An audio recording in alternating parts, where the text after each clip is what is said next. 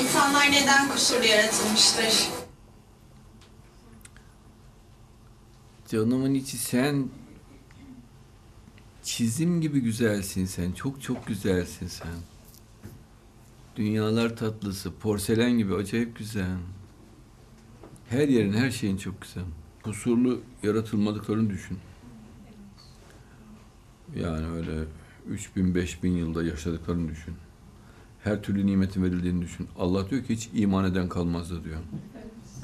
Yoksa ben diyor tavanlarını gümüşten yapardım evlerinin diyor. Ve muazzam nimet verirdim diyor. Allah ömür de verir. Ama facia olur. Mutlaka kusur gerekiyor ki insanlar haddini bilsin. Mutlaka kusur biliyor ki Allah'a teslim olsun. Mutlaka kusur gerekiyor ki cenneti istesin. Ölüm gerekiyor, hastalıklar gerekiyor, kusurlar gerekiyor, az gerekiyor.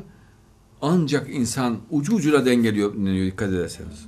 Ucu ucuna bak bütün bunlara rağmen ucu ucuna şu enaniyete bakın insanlardaki kibire bakın. Enaniyetin azametine bakın. Bak bu kadar belaya rağmen, eksikliğe rağmen, kusura rağmen enaniyetinden, azametinden birçok insanı geçilmiyor. Allah diyor ki buna müstahaksınız, dahasına da müstahaksınız diyor. Münafıklar için. Ama müminlerde bu büyük bir şifadır, çok hayırdır. Allah'a yaklaştırır, Allah'a sevgiyi artırır.